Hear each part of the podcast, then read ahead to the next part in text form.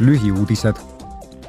sel nädalal pidas Euroopa Parlamendi inimõiguste allkomisjon arutelu Venemaa poolse rahvusvahelise õiguse ja inimõiguste rikkumise üle seoses sunniviisiliselt Venemaale saadetud või seal kinni hoitavate lastega.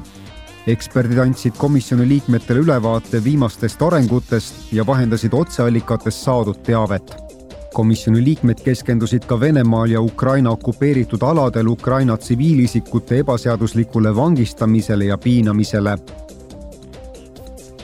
sel nädalal annab parlamendi keskkonnakomisjon nõusoleku fluoritud kasvuhoonegaaside heitkoguse laialdase vähendamise kohta, et aidata veelgi kaasa Euroopa Liidu kliimaneutraalsuse eesmärgi saavutamisele parlament soovib, et Euroopa Liit liiguks kiiremini kestlikumate lahenduste poole ja saavutaks kahe tuhande viiekümnendaks aastaks järk-järgult fluorosüsivesinike täieliku kaotamise.